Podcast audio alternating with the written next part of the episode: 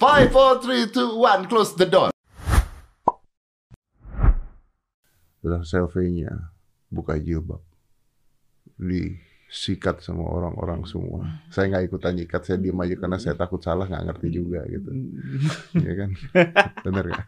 Nah, Iya, selfie-nya buka jilbab, heboh nih. Nah, salahkah Habib? Gini, eh, terakhir saya ke sini 8 bulan yang lalu tuh saya cek. Anda diserang ya? Saya gak punya haters loh. Dari sini pulang-pulang langsung banyak haters. Dan gila Om, jadi eh, orang itu banyak yang mempermasalahkan pernyataanku di sini bahwa musik itu halal. Hmm. Bayangin. Kan musik udah dari zaman dulu ada ya. Makanya musik itu halal. Jadi orang menganggap enggak. Musik itu haram. Padahal perbedaan pendapat soal musik itu halal dan haram itu memang dari dulu dari semua tokoh empat madhab itu rata-rata memang ada yang bilang haram, ada yang bilang halal. Bahkan yang mayoritas bilang haram itu gak ada. Di Hanafiyah misalnya. Hmm. Imam Abu Hanifah madhabnya Hanafiyah itu memang banyak yang mengharamkannya, tapi banyak juga yang menghalalkan. Kalau misalnya Bahkan Imam dibilang- Ghazali ngatakan eh, sebenarnya poinnya itu bukan pada musiknya kata Imam Ghazali, tapi pada kemaksiatan dan kesia-siaan di dalamnya. Di dalamnya. Di dalamnya. Kalau Kalau- musik mah kan Tergan- mau tergantung tergantung isinya pemakaiannya. Ya, kalau misalnya semua dibilang haram berarti Haji Roma Irama dari dulu Iya ma- makanya kan gitu gue bayangin orang berdakwah pakai musik kemudian masuk neraka gitu. Kenapa? Karena musik kan nggak keren banget. Nggak Yang di sana karena membunuh kan ya, Iya. karena eh, narkoba. Lo karena apa? Karena Nyanyi. musik dan buat berdakwah. Udah berdakwah cuma karena pula. musik lagi. Jadi Lu akhirnya gua gua berpikir Om Deddy gini, eh kayaknya lebih baik pemuda tersesat daripada smart people deh. Oh gitu ya. karena banyak haters yang menuju ke lu gara-gara musik ya. Cuman pertanyaan musik halal atau haram aja Anda langsung diserbu loh. Kayaknya lebih Aduh. lebih smart eh, pemuda tersesat ketimbang smart people. Tapi ada pemusik-pemusik yang akhirnya hijrah karena mungkin menganggap bahwa musik itu haram kan ada. Iya, ada juga yang tetap kayak eh, Tantri Kotak tetap malah kolaborasi sama Cak Nun dalam lagu terakhirnya. Akhirnya dia merubah isi musiknya gitu ya. Eh, ya bukan merubah isi musiknya sih tetap aja, cuman kan- dia dia memasukkan nilai-nilai yang menurut dia eh, nggak cuman have fun nih musik. Tapi kan begini Bib, kalau misalnya segala sesuatu halal atau haram kita bicaranya musik, itu kan sama kayak pisau. Hmm. Ya kalau buat nusuk orang juga jadinya haram atau. Iya, gue bilang gitu. Eh, ya sama kan beberapa, misalnya Sunan Bonang deh, bahannya kan itu dari dari besi juga, Ah, iya. dari eh, kuningan juga. Dia disebut Sunan Bonang karena inti dakwanya adalah melalui bonang. Bonang itu gamelan. Nah, Nah sama gamelan itu dari besi. Nah kalau digunakan untuk kebaikan ya nggak ada masalah. Kecuali eh, pukulannya anda buat mentung orang lain, itu jadi Nah, masalah. itu jadi Itu masalah. jadi masalah. Nah, bayangin terus diundang lagi untuk ngomongin Rahel V-nya yang ngeluh Gil. Anda kayaknya eh, menjebak. saya saya gak yakin dia mualaf. Mualaf kok menjebak Hagi untuk banyak hatersnya. Loh, karena Jadi tolong, eh, Tolong. muhasabah diri Anda. Oh, iya. Masuk pemuda tersesat aja lah gue lah. Karena gue memang gila banget, eh, Bib. Jadi begitu eh, lepas hijab itu dan kayaknya dia mengembrace hal tersebut gitu ya. Maksudnya Hmm. dia kayak, oke ini gue gitu. Iya. Eh, tapi kan gue nggak bisa menjudge ketika Betul. gue nggak tahu alasannya apa. Betul. Ya memang kalau kita secara agama saya akan bilang oke itu salah gitu misalnya. Hmm. Tapi kan ada something happen yang kita nggak pernah tahu dalam hidupnya dia gitu Iya, loh betul. intinya. Nah ini kan unggah foto-foto at atasnya mana tadi? Unggah foto-foto apa judulnya? Unggah foto-foto lepas hijab tepat di hari ibu. Rasel V-nya panen, hujatan dan dukungan dari dukungan netizen. dari netizen. Jadi ada yang menghujat, ada, yang mendukung. gitu. Mm-mm. Ini jadi jadi eh aneh sekali gitu loh. Iya, Jadi eh, pertama, ini pembelajaran bagi kita untuk eh, menerima perbedaan. Ada yang mendukung, ada yang eh, menghujat. Hmm. Pertama, terimalah perbedaan.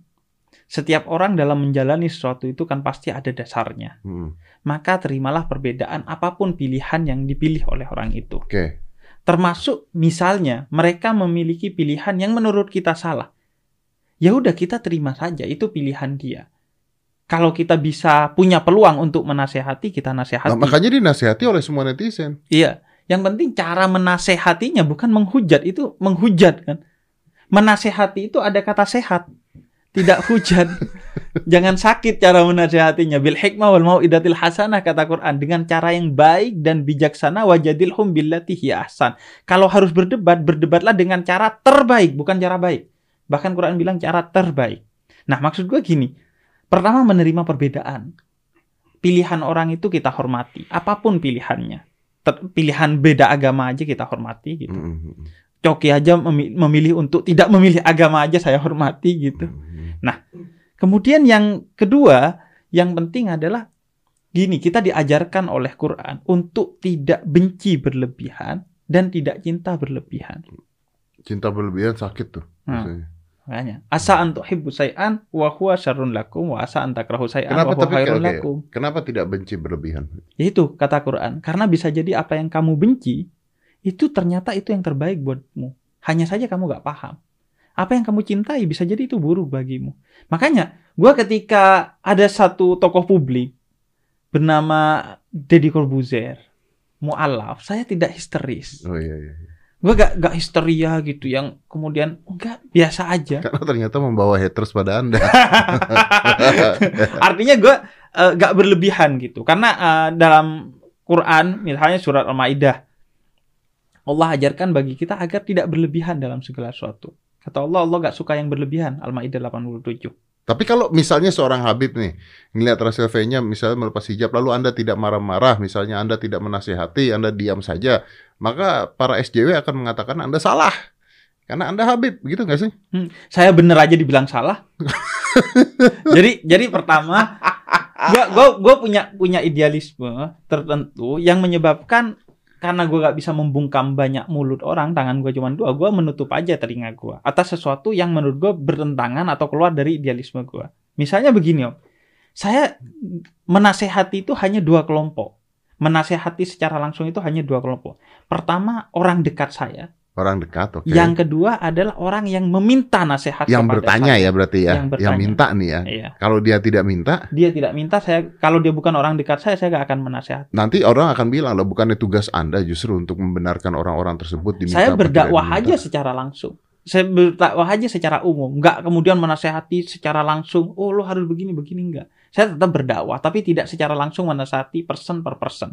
Karena kenapa? Karena ginilah eh, dalam psikologi lah orang itu kalau nggak minta untuk disembuhkan kan nggak mungkin tuh psikolog bisa menyembuhkan dia. Hmm, hmm. Begitu juga dalam agama. Kalau nggak diminta, kita ngasih bukan pada waktu yang tepat, yaitu saat dia minta, itu justru akan eh, kontraproduktif. Tapi itulah gunanya media sosial memberikan kolom komen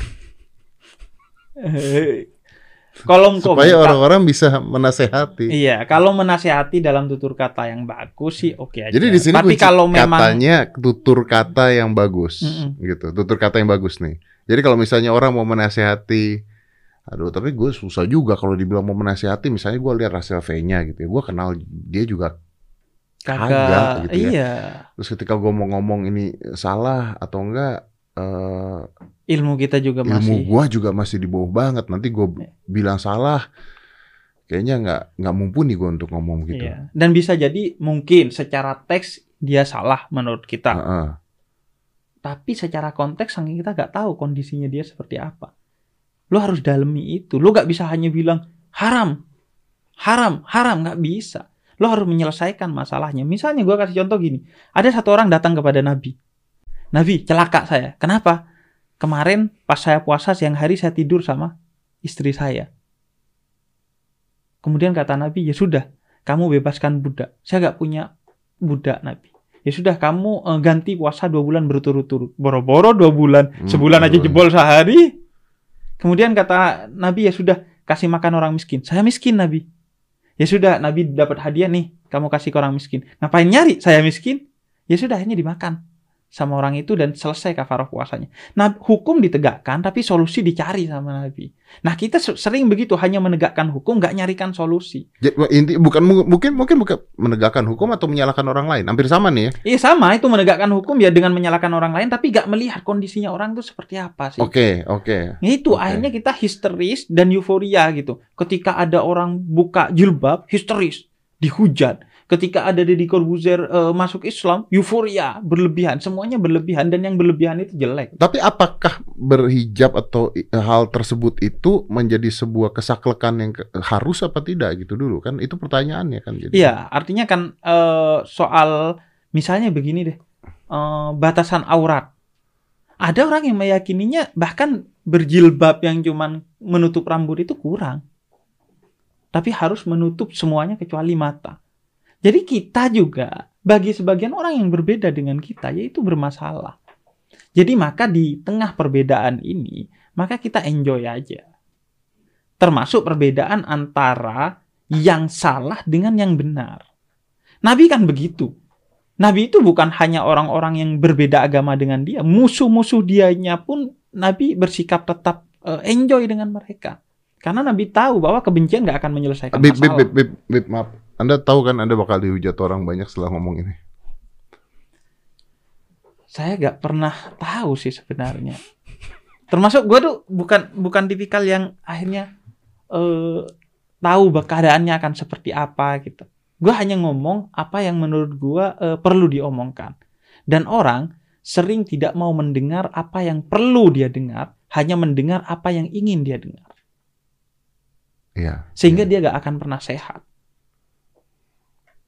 Jadi ya udah akhirnya gue ngomong gitu apa adanya. Mungkin sebagian orang nggak suka ya udah. Tapi sebagian orang merasa, oh gue tercerahkan dengan ini gitu. Jadi gue kepada orang-orang seperti Rahel V-nya ya udah nggak berlebihan. Pertama gini, bahwa kita nggak tahu kok. Jangan-jangan kita juga akan seperti itu suatu hari di depan. Kan kita nggak tahu nasib kita di depan. Iya. Siapa tahu ada konteks tertentu yang menyebabkan kita kemudian, oh, gua mau kembali keluar dari Islam. Misalnya Deddy Kobuzer suatu hari. Siapa yang menjamin? Anda akan dijudge bahwa imannya tidak kuat, akan Iya, dijudge makanya. seperti itu kan? Kita kan nggak tahu. Akhirnya lu kan nggak pengen orang ngejudge lu seperti ini. Padahal ada kondisi tertentu yang menyebabkan lu seperti itu misalnya. Yang kita nggak pernah tahu. Iya, yang kita nggak pernah tahu. Maka ayo kita rehabilitasi. Kalau memang ada seperti itu. Kalau lu memang mau membenahi masalah itu, ayo lu masuk secara total ke kasus itu. Kemudian cari solusinya secara bijak. Bukan hanya bisa berkomentar kemudian pergi, lu eh, tenang-tenang lagi padahal orang yang membaca komentar itu yang bukan Rahel V-nya jadi marah, yang Rahel V-nya mungkin akhirnya sakit hati dan dia semakin trauma kepada jilbab. Bayangkan dosanya. Oh shit ini ini ini, ini luar biasa nih. Dia semakin trauma dengan jilbab Iya. Ja, gara-gara hinaan-hinaan orang tersebut. Iya. Makanya gue dari dulu mengadvokasi agar orang itu mendorong yang dijilbabkan itu berbarengan antara hati dan tubuhnya. Agar dia itu ketika berjilbab karena pilihannya secara berdaulat dan dia sadar bahwa itu yang terpenting bagi dirinya. Tapi kalau memang cuman kita ma- main hujat dukung hujat dukung ini, ini semua yang terbentuk hanya kepalsuan. Hanya kepalsuan kalau hujat dukung hujat dukung aja. Nggak ada. Kalau mau, ayo kita secara serius. Kalau lu menurut lu mau memperjuangkan eh, seseorang untuk berjilbab, ayo ajari tentang apa makna jilbab, nilai-nilainya dan lain sebagainya sehingga dia memilih Ah, ya apa secara bedanya? penuh. Mereka akan mengatakan "Ya, itu gua ngajarin lewat komen kan gua ngajarin kan. Nggak gitu. itu ya, eh, apa eh, hidup orang nggak selesai hanya dengan berapa karakter itu gitu.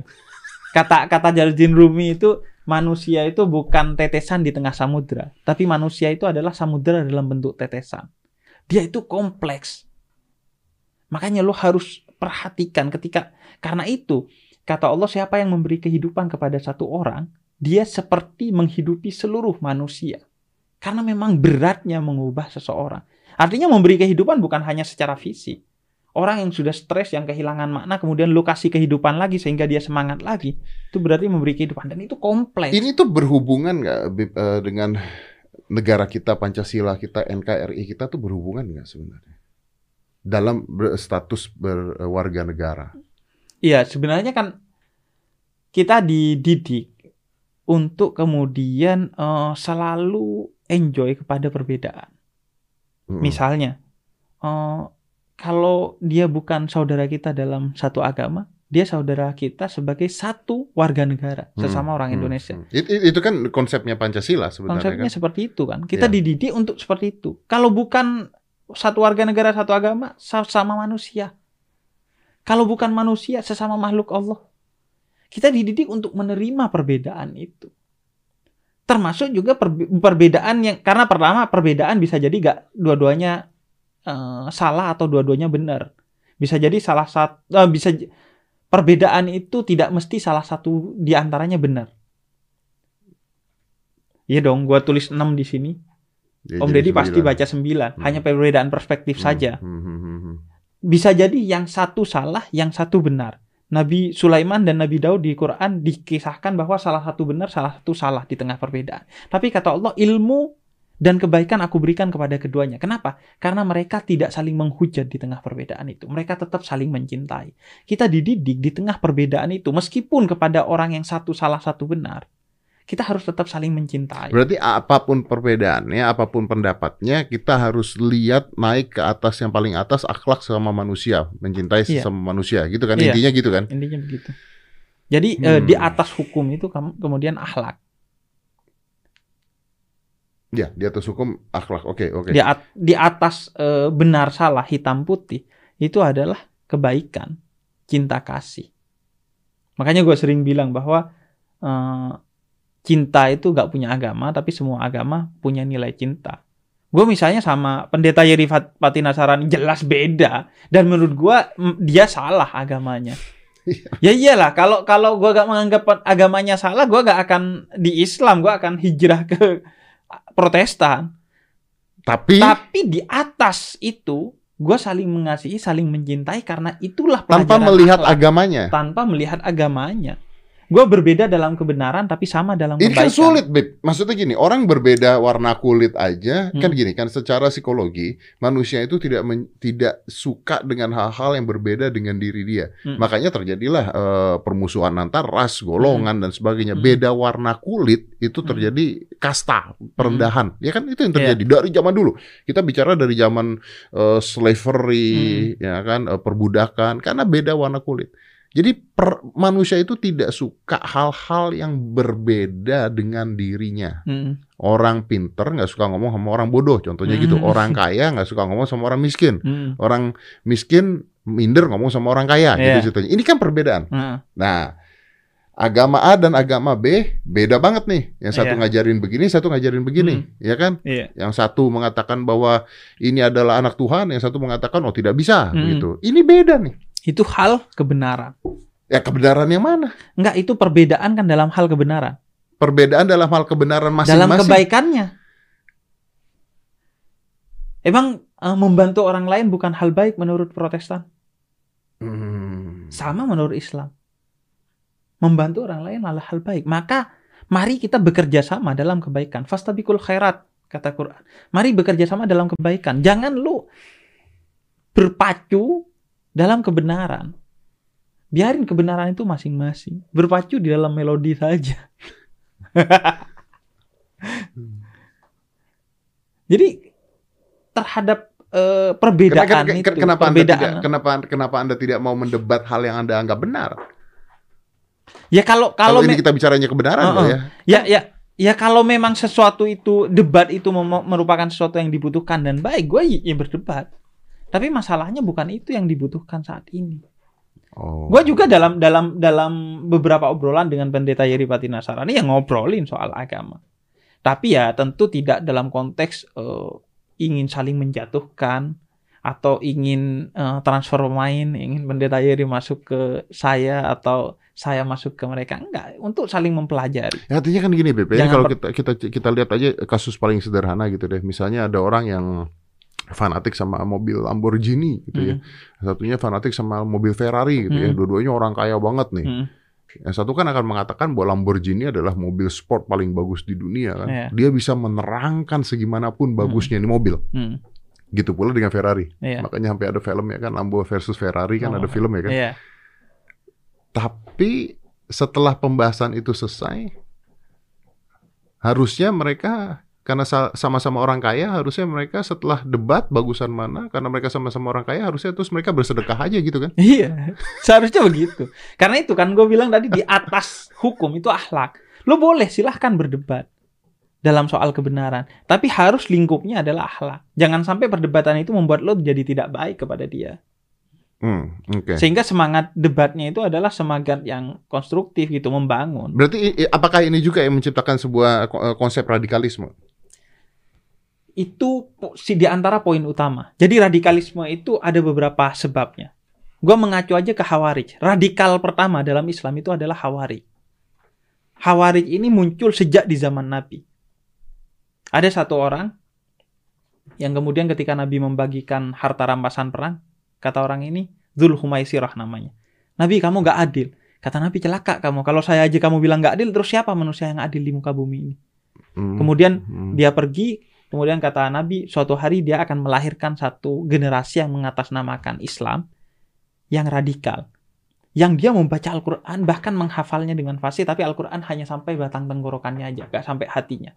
Nah, ciri-cirinya Khawarij ini, ini kelompok radikal pertama dalam Islam, dan sampai sekarang ciri-ciri itu terus dijaga oleh kelompok-kelompok radikal. Pertama, dia takfiri, tidak mau mel- melihat perbedaan tidak mau melihat perbedaan. berbeda. Yang berbeda kafir, takfiri namanya. Oke. Berbeda dia kafirkan. Kemudian yang kedua, eh Berarti nggak bisa nonton film bioskop kenapa? buatan Amerika dong, Karena kafir. karena kafir. Iya, sesama muslim aja dia kafirin. Oke. Tapi kadang ya nonton-nonton aja juga ya.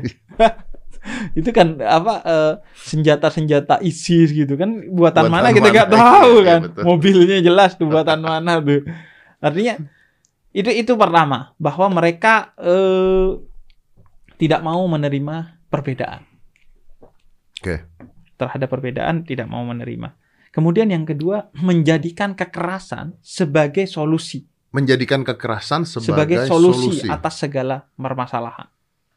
Hmm. Kemudian yang ketiga, meletakkan politik di atas kemanusiaan. Yang ketiga itu meletakkan politik di atas kemanusiaan. Sayyidina Ali bin Abi Thalib ini dibunuh oleh mereka, oleh kelompok Khawarij itu. Karena kenapa? Karena berdamai dengan Muawiyah. Jadi karena berdamai dia dibunuh gitu. Jadi tidak manusiawi dong akhirnya. Dan dibunuh dalam keadaan sholat lagi. Jadi Gila kan orang menghilangkan manusia dan akhlaknya. Gila, semuanya hilang.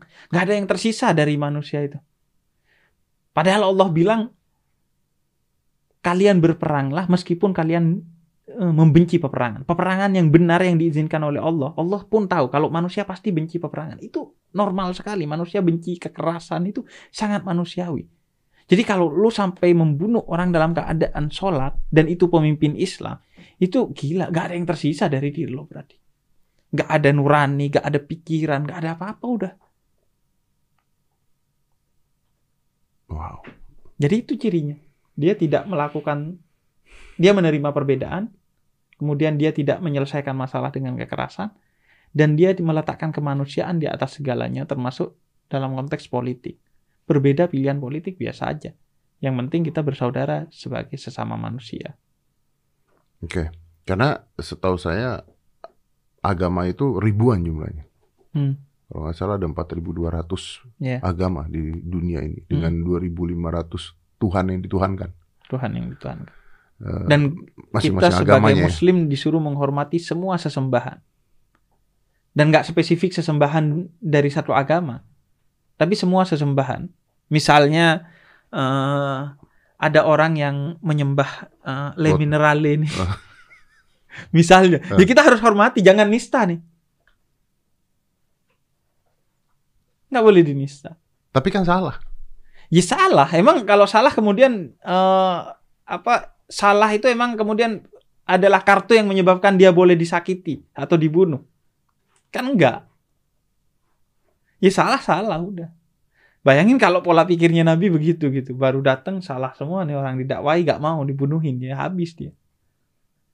Bayangin, gue sering bayangin gini, Om Om Ded.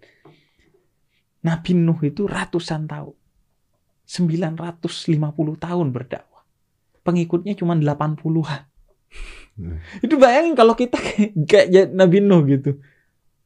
Gue kadang nasihati orang kan dua kali, tiga kali aja gak mau, ah emang bego dasar nggak bisa dia udah emang dasarnya bego udah Nabi Nuh 950 tahun gila kan makanya memang eh, pada akhirnya lu gak bisa menasehati orang lain kecuali lu selesai dengan diri lu sendiri. Karena kalau nggak lu akan bisa bersabar. Selesaikan dulu. Karena itu kata Allah ku anfusakum wa ahlikum naro jaga dirimu dan keluargamu dari api neraka utamanya. Jadi perangi diri sendiri baru kita menasehati orang lain. Sehingga tutur katanya tetap indah. Dipancing marah enggak. Orang tetap ngotot gak ikut ya udah kita tetap sabar. Nggak susah ya itu itu itu omongan-omongan anda itu omongan-omongan yang yang menarik tapi uh, susah untuk diterapkan. Susah untuk diterapkan gitu. Makanya ganjarannya sorga. Enak aja mau masuk sorga, enteng-enteng aja gitu. Ya tapi kan ada juga yang dijanjikan 72 bidadari lalu tiba-tiba bikin bom. Ada juga yang begitu. Ada juga yang Berarti kan begitu. kan dijanjikannya surga juga bro. Mm -mm. Kan dua-duanya dijanjikan surga. Anda dengan kebaikan menjanjikan surga, mereka dengan terorisme yeah. menjanjikan surga. Kalau kan ketimbang begitu. ketimbang mereka sih mending gitu ya. Gak usah sampai make bom tapi tetap masuk surga. kan mending mending kita gitu. Dan dan memang radikalis eh, terorisme itu itu gak tiba-tiba orang bangun tidur langsung jadi teroris kan nggak itu ada proses panjang. Ini deh, uh, Om Deddy kan pasti ngerti banget soal self injury itu. Mm-hmm. Orang melukai diri mm-hmm. sendiri itu kan mm-hmm. itu prosesnya panjang. Iya, ada traumanya dulu. Traumanya dan panjang eh, pasti. tapi gue sempat ngobrol sama ke, ke kepala BNPT Pak Boy Rafli mengatakan mm. bahwa orang bisa menjadi teroris itu hanya dicuci otak dengan waktu berapa jam lah gitu. Iya. Iya, karena karena karena itu kan uh, sudah diekstrak gitu dari hasil penelitian panjang diekstrak apa sih poin-poin utamanya ya, agar orang menjadi teroris. Dia harus tahu dulu orang ini seperti apa hmm. untuk diambil ya. Iya. Nah itu dan itu radikal dulu baru dia menjadi teroris kan. Cuci otak pengantin teror cuma butuh 15 menit. 15 ya, menit loh. 15 menit untuk menjadi pengantin terornya.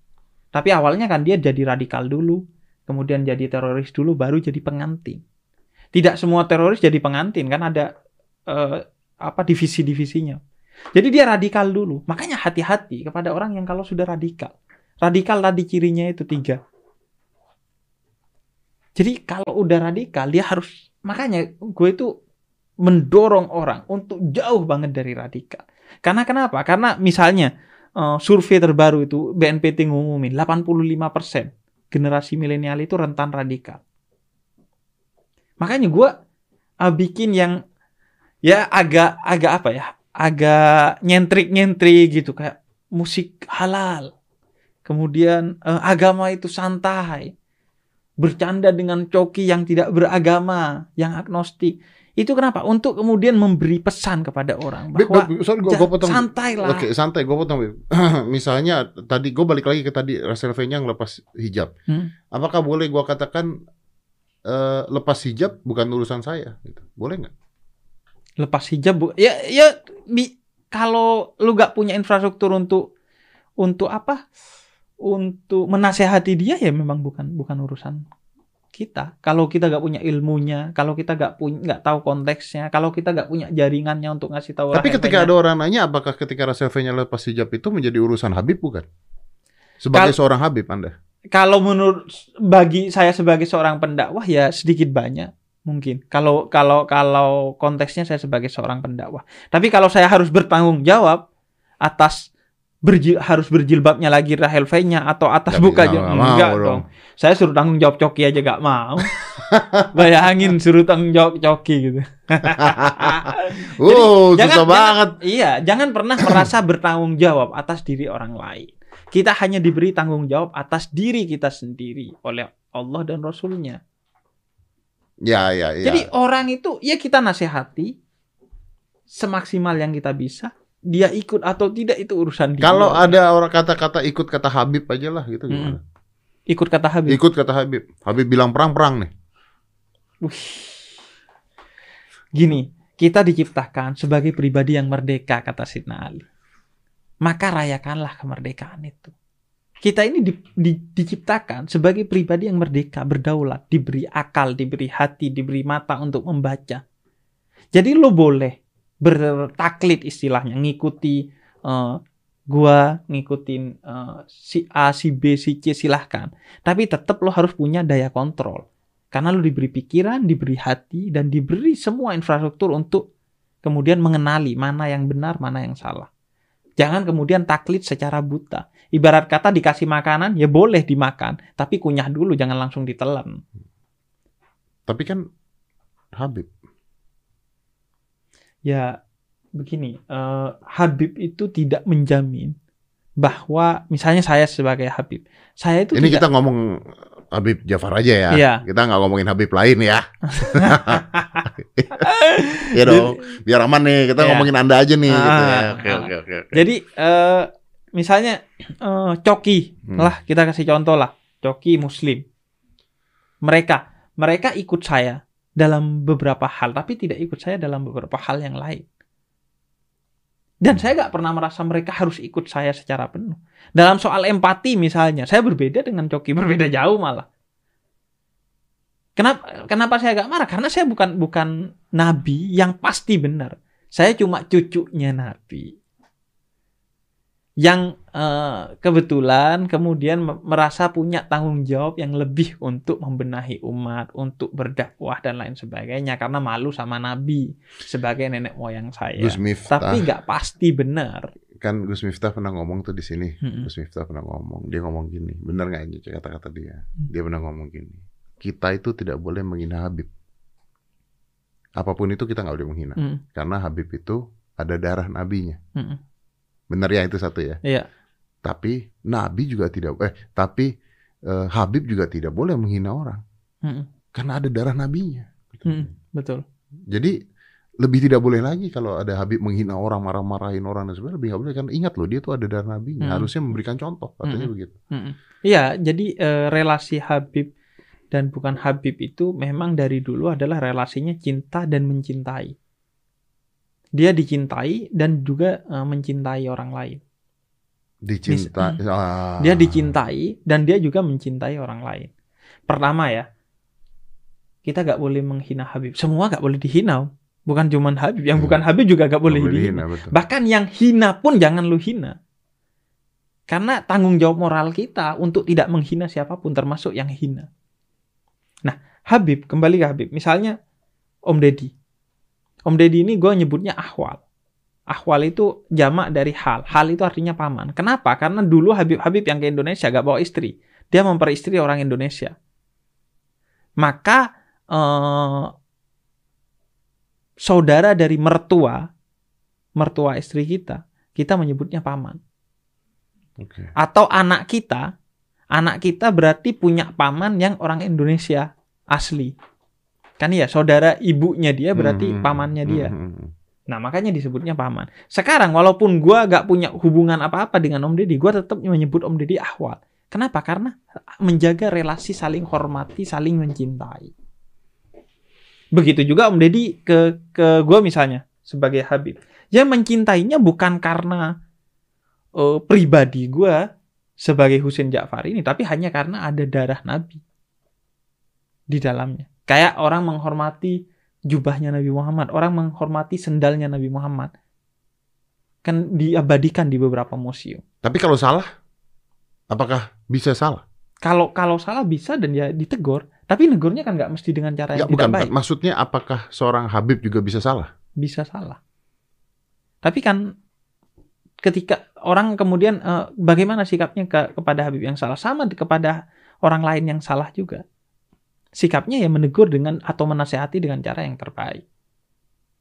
Tidak perlu kemudian eh, sampai lu berlebihan. Misalnya, wah, eh gua Om Deddy nih, eh gua gak suka sama Om Deddy. Kemudian gua trauma sehingga semua orang botak saya gak suka. Kenapa? karena gue nggak suka sama Om Deddy. Nggak juga. Ah. Maka harus proporsional, jangan berlebihan dalam segala hal. Begitu juga dalam pribadinya, gue gak suka Om Deddy. Kenapa? Karena Om Deddy eh, mendukung Rahel V-nya misalnya. Tapi bukan berarti gue gak suka sama Om Deddy-nya. Gue gak suka pandangan Om Deddy tentang Rahel V-nya. Belum tentu pandangan-pandangan lu yang lain tentang Betul. nggak suka juga Iya. kan? Karena itu kebencian itu bukan eh, kebencian itu hanya diperbolehkan kepada sesuatu yang buruk, bukan kepada seorang yang buruk. Seburuk-buruknya Om Deddy, gue gak akan benci orangnya. Gue akan benci tindakannya saja. Dan tindakannya yang mana yang gue benci gitu. Tindakannya pun dibagi-bagi lagi nih ya. Iya, Karena tidak mungkin satu orang buruk semua tindakannya, mungkin ada yang ada betul. yang baik gitu kan Betul. intinya kan. Iya, proporsional aja pada akhirnya ketika kita mau ngapa-ngapain tuh. Jangan jangan berlebihan lah pada akhirnya. Karena eh, itu setiap orang kita nggak tahu masa depannya. Ya, ya. Ya Habib orang Indonesia kan. Oh iya, Nah, kalau misalnya Indonesia makin lama makin banyak radikalisme, bahaya nggak negara kita ini? Menurut Habib? gue bisa lebih banyak bicara soal itu karena gue ngerti Timur Tengah gitu. Timur Tengah tuh hancur karena radikalisme. Di Afghanistan itu ada tujuh suku berbeda, tengkar, sehingga kemudian bangsanya hancur. Hanya karena tujuh suku berbeda tengkar. Indonesia ada berapa ratus suku, 500 suku lebih. Bayangin ini kalau tengkar. Makanya gue gak berani bandingin dengan suku di Indonesia, terlalu banyak. Gue bandingin dengan martabak manis di Indonesia. Ada tujuh perbedaan dalam menyebut martabak manis di Indonesia. Oh ya? Ada yang menyebutnya Oh, martabak manis. Ah. Ada yang menyebutnya terang bulan. Oh iya betul. Ada tujuh tuh ternyata. Masa sih? Soal menyebut martabak manis aja loh. Eh, coba coba cek martabak tujuh. manis ada tujuh. Ada Ah, tuh. enggak. Ada Martabak dong. manis, Martabak manis. terang bulan, iya iya Terang terang bulan. bulan saya tahu ada tuh. kue Bandung. Ada yang menyebutnya kue Bandung. Kue Bandung. Kue Bandung. Oh. Jadi, Soal martabak manis saja kita punya tujuh perbedaan. Bayangin kalau kita tidak bisa mengelola perbedaan ini dengan baik, maka hancur betul bangsa ini. Dan radikalisme itu kan hasutan utamanya adalah perbedaan. Sekarang supporter bola aja Oh, bisa bakar-bakaran bisa mobil. bakar-bakaran mobil. Mending kalau supporter bola klub bola Indonesia, klub bolanya klub bola mana nggak tahu kita kan. Kadang klub bola Inggris, klub Iya. bola Italia, kita bertengkar gitu. Iya betul. Gila. Iya ya. Jadi apalagi kemudian perbedaan yang sifatnya eh, perbedaan pandangan dalam agama. Apalagi dengan janji surga dan neraka kan. Apalagi udah udah ya gini, gua makanya gua gak setuju kepada pendapat yang menyatakan bahwa terorisme itu bisa disebabkan oleh hal-hal yang misalnya kemiskinan. Gua gak setuju. Pertama Kenapa? gini, Kenapa kenapa kenapa kenapa? pertama gini, Osama bin Laden salah satu orang terkaya. Osama bin Dia Laden jadi salah satu teroris orang kok. terkaya, jadi teroris. Dia jadi teroris. Gak ada kaitan langsung antara kemiskinan dan terorisme. Kemiskinan itu penyebabnya utamanya adalah satu, yaitu ideologi radikal. Loh.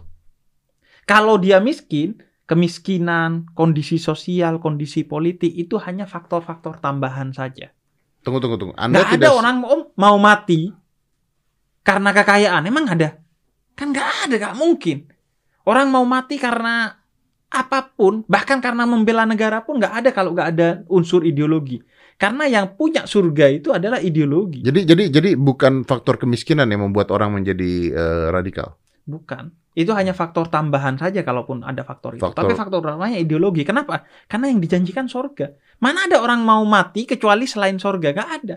Dan yang punya surga itu adalah ideologi. Tapi kan orang yang menjanjikan surganya aja, maaf nih ya. Mm-mm. Kita percaya ada surga dan ada neraka. Mm-mm. Tapi kan orang ketika janjian surga saja, mereka tidak punya bayangan surga itu seperti apa juga kan. Iya. Dan dikasihlah bayangan-bayangan sesuai dengan konteks dia. Oh dia senangnya apa kasih janji-janji itu. Jangankan gini deh om. Jangankan surga deh terlalu jauh surga. Kalau mengetes. Lu tonton tuh beberapa eh, orang-orang yang pernah berangkat ke Irak untuk jadi simpatisan ISIS. Iya iya. iya. Berapa tahun dia pulang, Kapok. wah gua dibohongin katanya. Katanya di sana enak begini begitu. Wah, ini belum surga nih, masih di dunia ya. nih. Masih di dunia aja Itu udah pulang begitu. nyesel tuh ya. Nggak boleh pulang lagi. Makanya gak boleh pulang lagi. Iya bener. Itu masih di dunia, udah ditipu gitu. Nah, maksud gua eh, jangan sampai kemudian terjebak dalam hal seperti itu. Penipuan untuk kemudian mengajak orang pada hal lebih baik. Termasuk tadi kasus lu mengajak orang berkerudung, jangan nipu. Jangan nipu seolah-olah oh berkerudung itu wajib. Eh, kalau lu gak berkerudung, eh, lu harus eh, lu akan seperti ini dan seperti ini. Sampaikan saja pendapat ulama. Ada ulama yang mengatakan berkerudung itu eh, sampai muka. Ada ulama yang meng- mengatakan itu ber- harus bercadar dan lain sebagainya. Jangan kemudian eh, menipu gitu. Hmm, hmm, hmm, hmm. Sampaikan saja pendapat apa adanya. Jangan hanya karena kamu ingin mengarahkan seseorang pada pendapatmu, kemudian kamu menutup akses pengetahuan mereka terhadap perbedaan dalam pendapat itu. Jadi buka aja, jangan jangan menipu. Itu itu itu problemnya pada akhirnya. Ya kayak kayak teroris-teroris itu ditipu-tipu begitu. Iya. Kasihan kan? Bayangin nggak bisa pulang aja dari Irak udah stresnya gimana? Bayangin kalau udah mati gitu, nggak Iya, taunya nggak dapat surga. Kalau kita ngomong ISIS ya, katanya yang buat ISIS juga Amerika-Amerika juga, katanya begitu kan Hmm. gosipnya begitu Hmm. gitu kan. Jadi kalau memang benar yang buat ISIS juga Amerika, senjatanya juga dari sana dan sebagainya, berarti mereka ini kan orang-orang ketipu semua. kan? Iya, orang ketipu semua. Kesian banget gitu kan. Di sana nggak dapat surga. Jadi Tapi tunggu, tunggu, tunggu, tunggu. Tapi orang-orang tersebut yang dijanjikan surga kan bisa saja karena faktor kemiskinan karena merasa bahwa hidup di dunia ini mereka susah, mereka miskin, maka mereka ingin cepat ke surga mendapatkan apa yang mereka dapatkan. Bisa Hmm. dong. bisa. Karena kemiskinan juga bisa dong. Iya, tapi kan faktor tambahan itu kemiskinan. Faktor utamanya surga. Yang punya surga siapa? Ideologi. Tetap faktor utamanya ideologi. Karena yang menentukan orang surga dan neraka itu kan agama. Sehingga harus ada faktor ideologi di dalamnya. Nggak, nggak bisa faktor hanya kemiskinan. Misalnya, oh karena saya eh, miskin, kemudian malas miskin, saya pengen mati aja.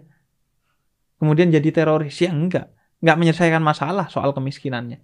Hanya menjadi salah satu Kecuali faktor. memang ada janji setelah kematian itu dapat apa. Ya. Nah itu wilayahnya agama. Ya. Selain agama nggak punya otoritas untuk bicara itu. Jadi bisa Karena itu agama. karena dia miskin lalu dijanjikan sesuatu. Iya. Dan mending mati deh lo. Nanti daripada lo di dunia gini-gini banget, mati lo enak ntar dapat sorga. Percayalah dia. Percayalah dia. Dan makanya gua eh, selalu bilang bahwa sebenarnya pasti bukan agama penyebab terorisme itu. Karena agama mengajarkan cinta kasih itu pasti manipulasi terhadap agama.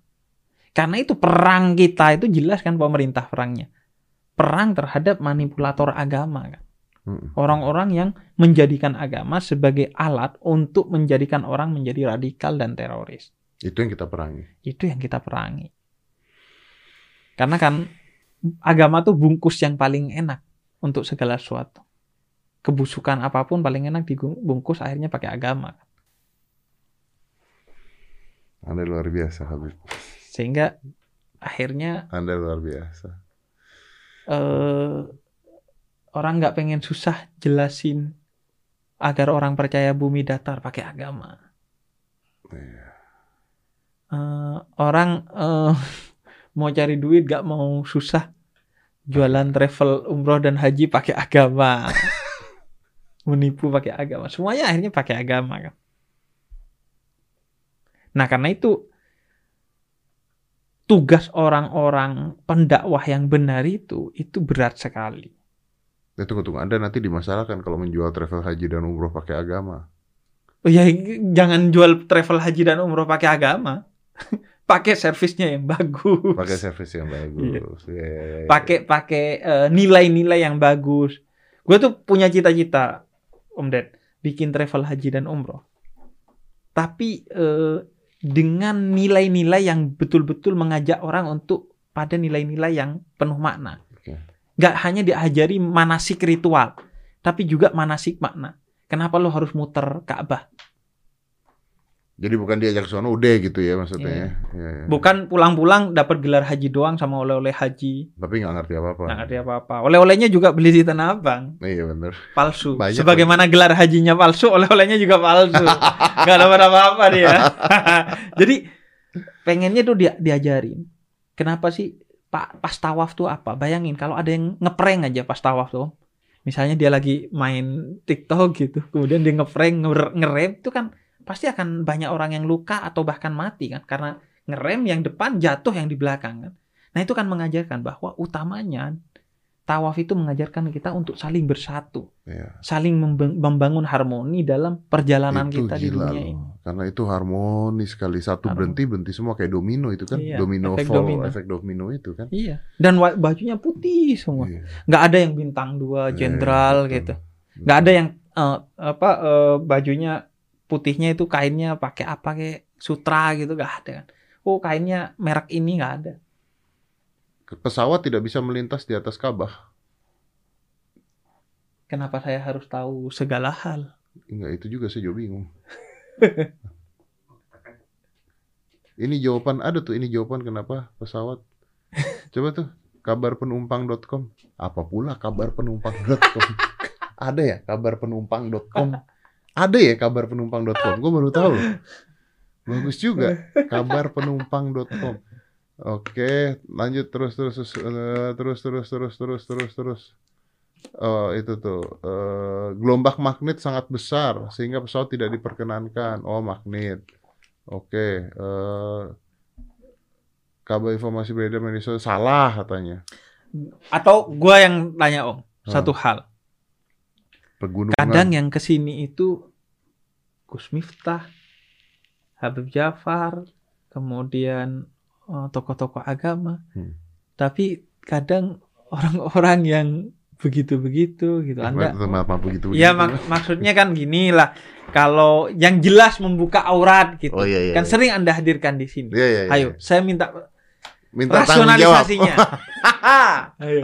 Ini kita kembali ke pembahasan Oke, yang oke. Rahel V-nya Nih, gitu. Menarik nih, menarik. Nah, kenapa lu menghadirkan orang-orang itu? Oke, saya bisa jawab. Saya bisa Oke. langsung jawab. Gimana? Pernah saya pernah bahkan taruh di Instagram saya tentang jawaban itu. Saya Oke. saya jawab gini. Saya pernah sedikit kecewa karena dua orang sahabat saya Hmm. dicokot KPK. Oke. Pak Edi Prabowo sama Mensos kita. Mensos. Ya, dari Batubara. Mm-mm. Mensos kita. Pada saat Pak Edi Prabowo dan eh, Mensos datang ke sini itu banyak orang yang memuji-muji. Apalagi Pak Mensos mengatakan dilarang korupsi lah, korupsi itu begini lah, Mhm. begitulah, pokoknya begitu-gitu. Dan saya sampai sekarang pun tidak benci pada mereka. Mm-mm. Seperti tadi Habib ajarin saya, Mm-mm. yang saya tidak suka adalah perilakunya. Mm-mm. Toh saya juga nggak ngerti mereka ini korupsi buat apa. Mm-mm. Bisa aja buat dia sendiri, bisa buat bagi-bagi. Saya juga nggak mau tahu juga. Yang saya benci adalah itunya. Tapi ketika saya mengundang mereka, orang-orang tuh yang oh, mengatakan, wah ini keren nih podcastnya, nih pejabat nih hebat nih begini-begini. Ketika saya mengundang yang begitu-begitu, Dinar Candy lah kita anggap. Mm. Dinar Candy, dihujat saya. Iya. Wah begini, gini, gini, gini, gini. Ketika mereka dicokot KPK, saya dihujat lagi. Iya. Wah, menteri yang Anda undang ternyata begini, begini, begini, begini, begini. Lalu saya tulis di Instagram. Saya bilang gini. Pada saat saya dulu ngundang mereka, Anda memuji-muji saya luar biasa. Hmm. Dan ketika ada Dinar Candy, Anda menghina saya dan Dinar Candy luar biasa. Mm. Saat ini terbukti bahwa orang yang Anda hina-hina kemarin itu ternyata tidak merugikan rakyat. Mm. Jadi kenapa? Karena saya merasa bahwa mereka punya hak bicara dan kadang-kadang kita nggak tahu. Iya. Kita tidak pernah tahu hidupnya mereka seperti apa. Karena Or- kita menutup mata Karena kita mereka. menutup mata. Sedangkan orang-orang yang yang kita anggap, wah ini pasti baik, ini pasti benar. Tuh loh, ternyata ketika dicokot KPK, netizen itu ngata-ngatain saya. Mm. Tuh yang diundang menteri-menteri Mhm. korupsi begini gini gini gini. Loh dulu Anda nggak ngomong gitu loh. Iya. belum ketahuan. Nah, saya tanya balik. Saya tanya, apakah dinar yang merugikan rakyat kita? Hmm. Pernah nggak? Hmm. Sekarang saya tanya, ada dinar candy dan ada pejabat tersebut yang tersebut yang korup. Lebih baik saya undang yang mana ya harusnya pada saat itu? Iya. Jadi Itu yang gue bilang gak tahu kita. kita nggak ngerti loh, bro. Saya juga pertanyaan ini juga ditanya sama Gus Miftah Hmm. karena setiap kali kalau saya ngundang Gus Miftah ditegur. Kalau gue karena om gue kan ngomong sama banyak orang Ah. termasuk sama ya banyak lah coki dan lain sebagainya karena gue yakin setiap orang itu punya wisdom Hmm. punya nilai gak ada orang yang hidup itu kayak seonggoh daging yang gak punya nilai pasti dia punya nilai dan pertama gue ingin belajar nilai-nilai itu Hmm, hmm, hmm. karena gue rata-rata belajar nilai itu dari agama.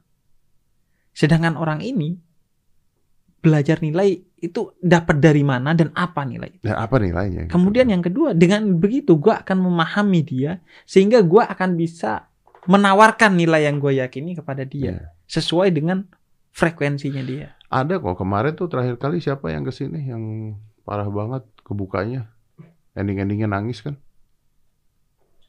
Bukan. Itu yang terakhir. Hah? Diana dia, Starlight ya. Iya iya iya. Akhir-akhirnya nangis kan? Ketika dia cerita tentang keluarganya, dia nyari duit, dia nyari Iya. apa akhirnya nangis. Iya.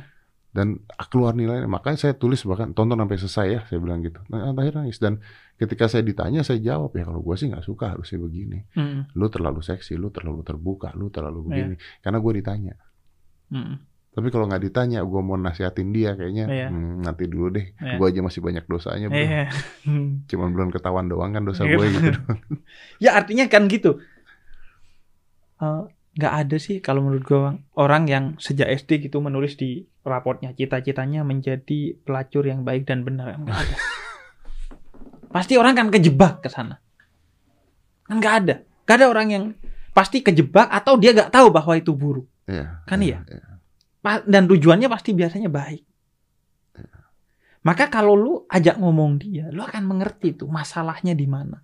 Kalau lu gak suka dia begini, masalahnya di mana lu akan tahu tuh kalau lu ajak duduk Iya. dia sehingga kemudian lu akan bisa mengarahkan dia kepada sesuai dengan yang kita inginkan. Dan jebakan itu di zaman sekarang tuh gila, Beb. Jebakan likes Instagram tuh jebakan loh. Iya. Lu naruh foto cewek gitu ya. Coba Hmm. seksi. Kelihatan setengah. Heeh. Bandingin likes-nya sama yang nggak Iya. seksi. Itu jebakan likes. Dan dan so- so- semua orang menghujat dia. Padahal banyaknya likes dia itu menunjukkan ternyata banyak, Banyak orang yang yang suka. suka kan makanya kata Sayyidina Ali kalau lu mau ngukur diri lu itu saat sendiri orang kalau di depan orang lain kan seolah-olah pencitraan tapi saat sendiri dan yang kedua dan itu dosanya besar banget kenapa karena lu berarti lebih mementingkan pandangan orang ketimbang pandangan Tuhan Nah, itu. Bener, bener. Padahal bukan dirinya sendiri. Iya. Makanya saya suka bilang, iya kalau kita foto aja filter, kita foto aja gini, like-nya dikit kita marah-marah, kita Hmm. bete karena Hmm. jumlah likes-nya dikit. Iya, Wah begitu kebuka belahan dadanya, likes-nya banyak nih, Makanya. gitu kan.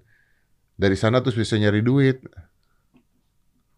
ya, ya da- dan itu Tapi kan it's a fact, It's- Iya. itu Hmm. faktanya gitu. Kita kita mau ngomong apa itu faktanya gitu. Terus gua Iya. tiba-tiba mau mengatakan, oh Hmm. jangan, anda nggak boleh kayak begini. Iya. Terus dia bilang, ya saya nyari duit dari endorse begini, duit saya, oh nggak bisa, jangan. Saya bisa.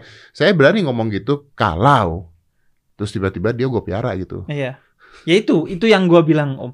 Kalau para sufi, orang-orang yang dekat dengan Tuhan, itu pola pikirnya adalah menyelesaikan masalah, bukan menghukumi masalah. Nah, Dia pola pikirnya bukan hanya fikih, menghukumi, tapi juga akhlak, menyelesaikan masalah. Ada eh, satu orang datang ke rumah seorang sufi. Dia maling nih. Mau nyari-nyari barang nggak ada. Kemudian akhirnya ke- ketahuan sama si sufi ini. Kemudian kata kata dia, lo ngapain di sini? Gue nyari barang berharga gak ada. Gue punya, lo mau nggak? Wah, ada kayaknya disimpan nih. Ya udah kata dia. Dikasih tahu apa barang berharganya. Sholat dua rakaat itu seperti bumi dan seisinya. hmm. Lu sholat deh. Dia gak mau malingnya kata dia kalau gak mau gua teriak. Ah, daripada gua ke- diteriakin maling mending sholat terus gua pergi. Ya udah setelah itu pergi loh. Ya udah dia sholat. Sholat dia merasakan bener enaknya sholat.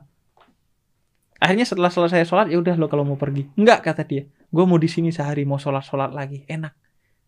Setelah sehari silakan mau pergi enggak. Gua mau di sini jadi murid lo.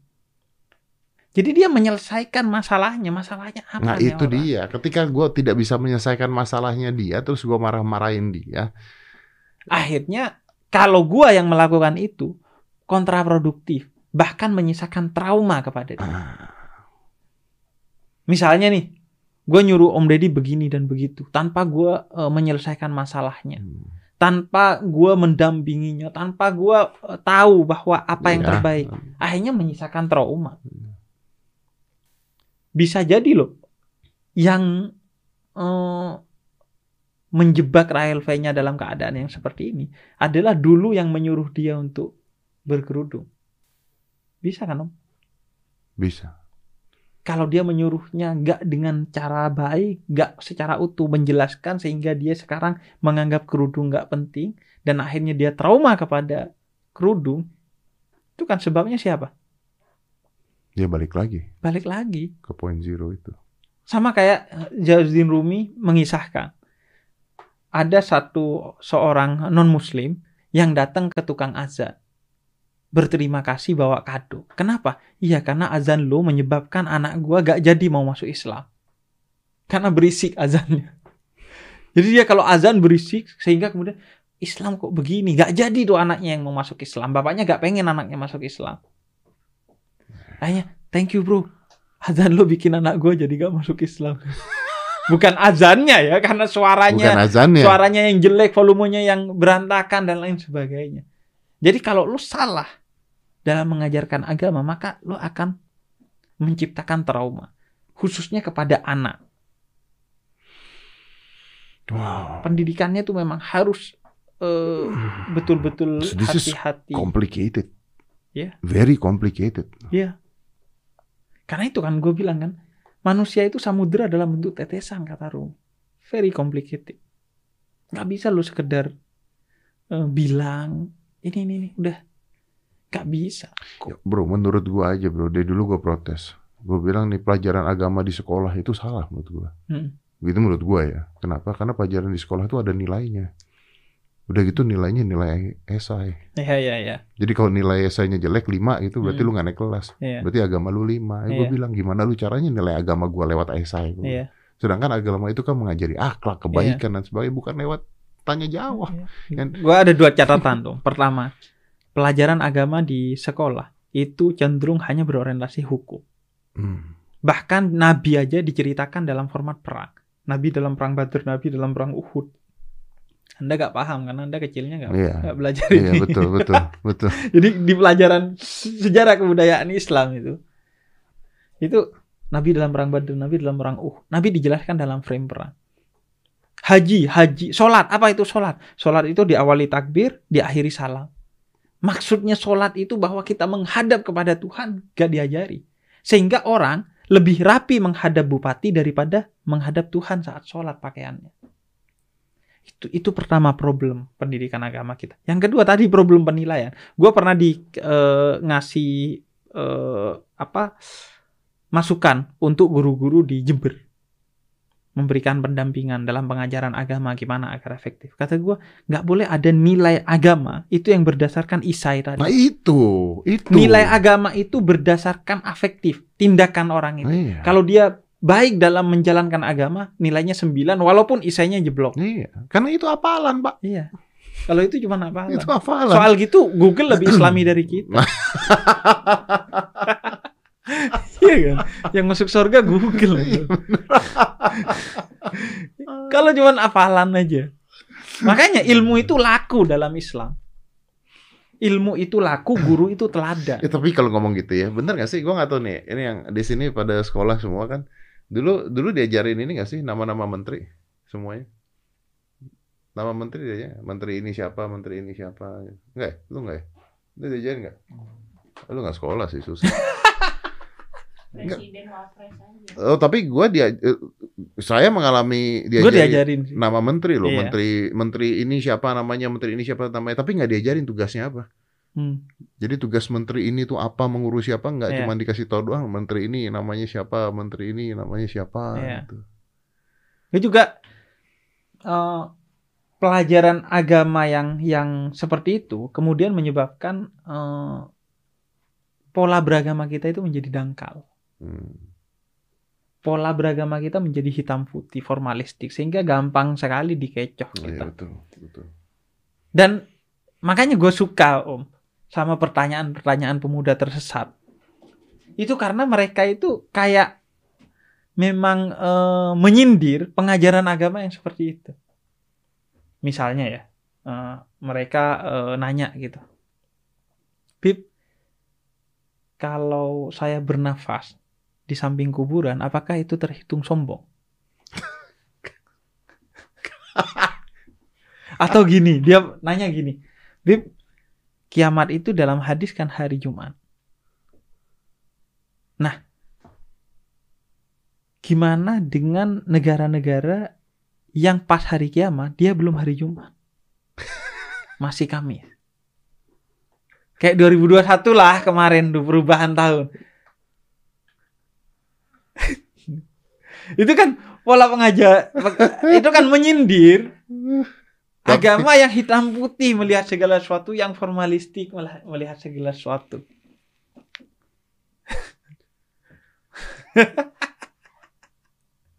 Dan lu nggak apa-apa ya? Dan gue nggak apa-apa. Karena memang apa eh, begini itu itu bukan bercanda loh. Oh, tapi kan ada juga orang yang mengatakan agama jangan dipertanyakan dong. Iya, kalau kalau kalau pola pandangnya formalistik tadi legal gitu, sempit dangkal gitu ya iya. Jangan mempertanyakan agama. Anda harus ikut aja, tunduk aja. Padahal agama yang nantang kita untuk bertanya. Kata Allah kalau lu temukan satu aja ayat Quran yang lu bisa bikin kembarannya, silahkan ayo kita berdebat. Nabi Ibrahim berdebat dengan umatnya. Jadi enaknya itu akhirnya mereka ini gak gak bohong mereka itu memang di, e, bertanya tentang sesuatu yang memang mengundang tanya mereka dan memang problem kita dalam beragama selama ini hanya menjelaskan sesuatu itu tidak secara utuh. Misalnya e, ria itu ria apa? Mempertontonkan kebaikan. Padahal enggak. Ria itu bukan mempertontonkan kebaikan, tapi perasaan hati yang lu ingin dipuji oleh orang lain. Mau dipertontonkan atau tidak dipertontonkan enggak. Enggak masalah. Dipertontonkan kalau lu gak hati lu gak merasa sombong, hati lu gak merasa wah, nih gua nih. Ya berarti gak ria. Tetap ikhlas. Tapi walaupun sembunyi-sembunyi, tapi lu ngerasa, nih kalau gak dikasih makan gua mati nih orang. Itu sama aja. Ya, ya, itu juga dosa. Nah, pemuda tersesat itu mengkritik gitu. Dan mereka enaknya nggak menyebut pemuda benar, pemuda tersesat. Karena mereka mereka tersesat maka mereka berhak bertanya. Iya. Ya. Dan karena mereka terus merasa tersesat, sehingga mereka terus belajar. Terus. Ada orang yang kan merasa, oke okay lah, gue udah final. Ketika lo merasa final, berarti lo bisa menghukum yang lain. Iya. Tapi kalau lu gak merasa final, lu gak bisa menghukum. Oh jangan-jangan kalau gua belajar lagi, gua sampai ke yeah. pendapat soal itu bahwa oh itu ternyata ada ulama yang memperbolehkannya. Makanya kita sebenarnya dididik kan ihdinas siratal mustaqim di suratul fatihah itu. Uh, berilah aku jalan yang lurus. Tunjukkanlah aku jalan yang lurus. Padahal Islam kan sudah jalan yang lurus. Kan? Tapi kenapa perasaan selalu tersesat itu harus ada? Iya, makanya kan kadang-kadang kalau kita berpendapat dengan orang beda pendapat, bisa kita benar, bisa dia benar. Gitu kan. Bisa Lihat bisa dari dua sama-sama sisi yang benar. berbeda, bisa dua-dua benar, iya. bisa dua-dua salah juga loh. Kita bisa, bisa dua-duanya salah. salah juga. Dan salah itu gak ada masalah, asalkan lu gak barbar aja. Iya salah itu mahalul khotok wanisian manusia itu tempatnya salah asal gak barbar aja biasa aja gitu. Gue tuh sering uh, gue sampai sekarang nggak pernah ada uh, masalah apa pun. Tapi gue sudah investasi kalau saya punya masalah.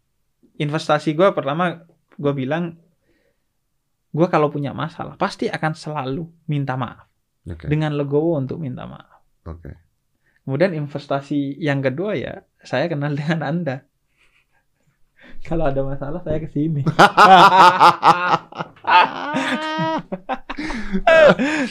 Lalu Habib tapi selalu menyenangkan lah ngobrol sama Anda tuh selalu membuka hmm. pandangan baru. Emang gue tuh lagi khawatir juga kan dengan Indonesia radikalisme dan sebagainya. Kayaknya Indonesia dulu nggak begini gitu. Maksudnya hmm. Indonesia dulu nyaman banget, tentram hmm. banget. Perbedaan agama hanya jadi sebuah apa? Bukan lelucon tapi jadi sebuah kenyamanan antar pemeluk yang berbeda-beda gitu. Hmm. Orang ini bisa bikin komedi tentang ini, ini bisa bikin komedi tentang ini. Saya yeah. masih ingat banget ada buku-buku tentang komedi uh, mati ketawa cara Islam, mati ketawa yeah. cara Kristen. Yang mana orang baca semuanya tertawa, terbahak-bahak. Gus Dur dulu seperti itu juga, hmm. tidak ada masalah. Tiba-tiba uh, sekarang jadi seperti ini. Ya itu musik aja, gue bilang Nah, musik halal dia. aja udah masalah. Balik iya betul. Ini kemunduran. Padahal ya padahal itu harus dilihat secara seksama dulu. Martabak aja tujuh. Eh martabak tadi mana martabak coba kita tutup dengan nama martabak coba. Gue penasaran martabak. Martabak tuh ada tujuh nama ternyata. Saya baru tahu. loh. Tahu saya martabak. Saya ke sini sebagai Habib pendakwah. dan tukang martabak. Malah Anda belajar ambil ilmu soal martabak dari saya, bukan ilmu agama. Jadi penistaan kepada ulama, kepada Habib itu ya ini yang dilakukan Om Deddy ini sekarang. Ditanyain martabak loh Habib loh. Oke. Martabak ya. Coba. Oke. Eh, martabak Tuh, Jakarta martabak Jakarta manis. manis. Oke. Tuh, Hoklopan. Bangka. Oh, hoklopan. Oh, hoklopan. Iya, bener Ya. hoklopan, bener. Martabak Bangka. Medan martabak Bangka. Kue terang bulan Kue Bandung terang dan Jawa bulan, Timur. Jawa ya, Timur terang nih, bulan rumah gua benar. gitu. Benar. Kue Bandung, Kue tadi Bandung. gua bilang. Padahal di Semarang. Iya makanya. Sama kayak Bika Ambon. Kue Bika Ambon bukan Ambon, bukan di Medan. Ambon iya. Apem Pinang. Apem Pinang Pontianak. Apem Pinang Pontianak. Oke. Terus udah ya? Udah. Iya, ternyata beda-beda namanya ya. Beda-beda. Tuh, itu tujuh tuh. Padahal ya itu semuanya martabak. Martabak. Jadi sama kayak eh, tape, kemudian singkong goreng, Iya. singkong rebus, Iya. semua itu singkong. Singkong iya.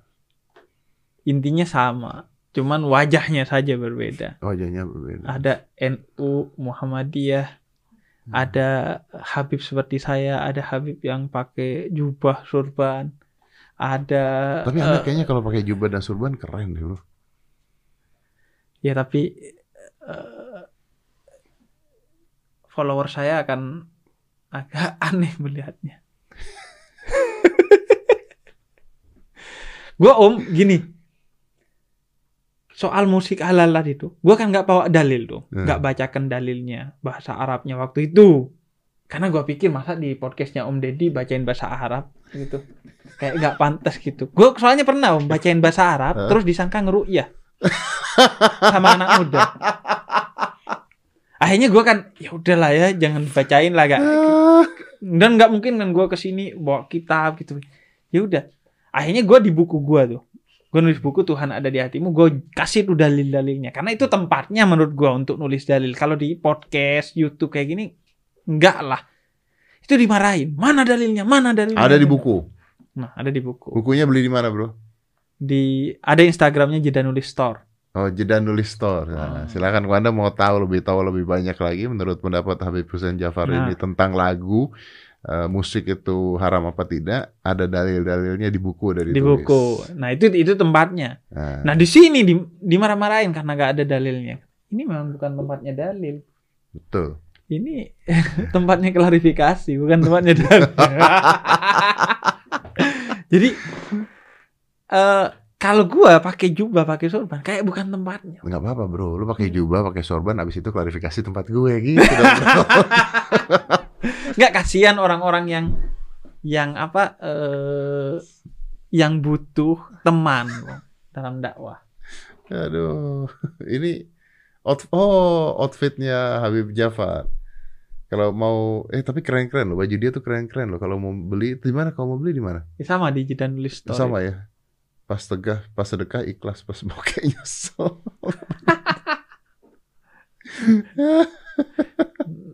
eh, Instagramnya apa?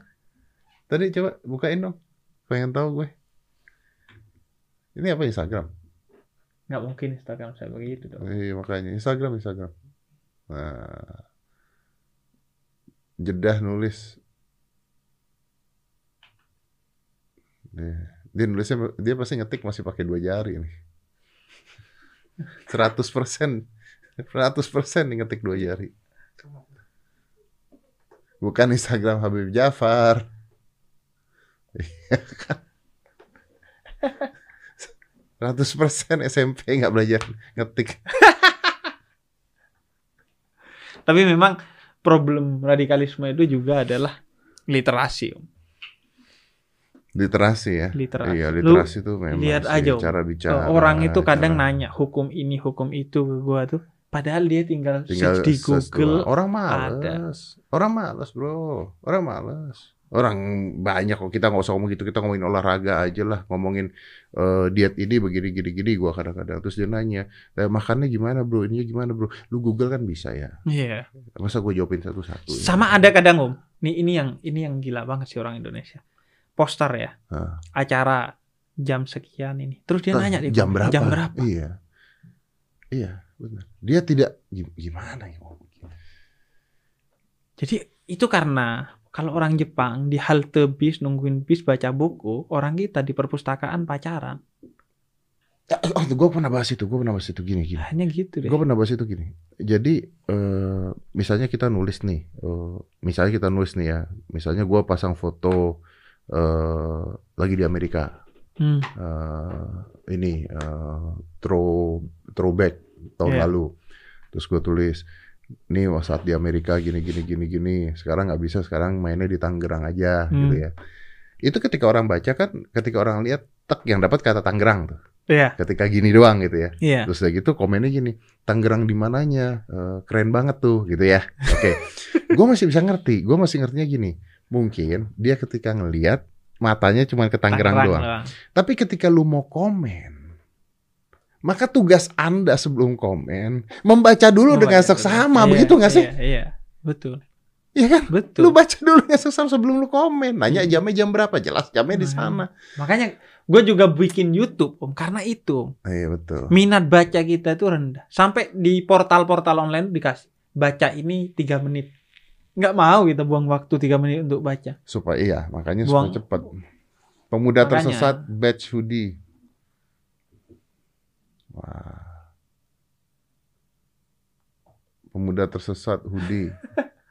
itu Hmm. juga nulis store-nya Sama semua nih gimana sih? Enggak, itu itu di store-nya di Instagramnya dong. Ah ini Nah, ini buku. Tuhan ada di hatimu. Ini ini juga Apa? pertanyaan-pertanyaan. Oh pertanyaan-pertanyaan. Kayaknya ini eh, hijrahan dari Anda, follower-follower Anda ini di tempat saya nanya.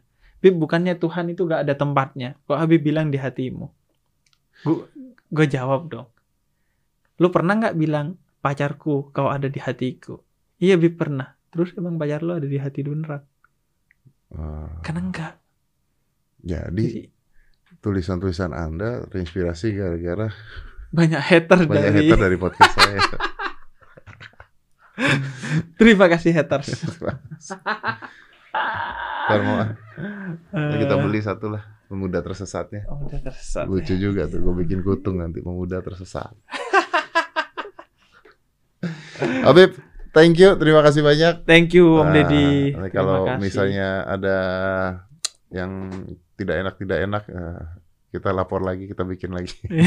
siap siap Harus sering-sering. mendamaikan ya. Indonesia masih Fungsinya ya. butuh orang-orang seperti anda nih. Eh, Terakhir Insya kali di Allah. Najwa Shihab ditanya, Habib kok sneakeran gitu, gitu Iya. kan.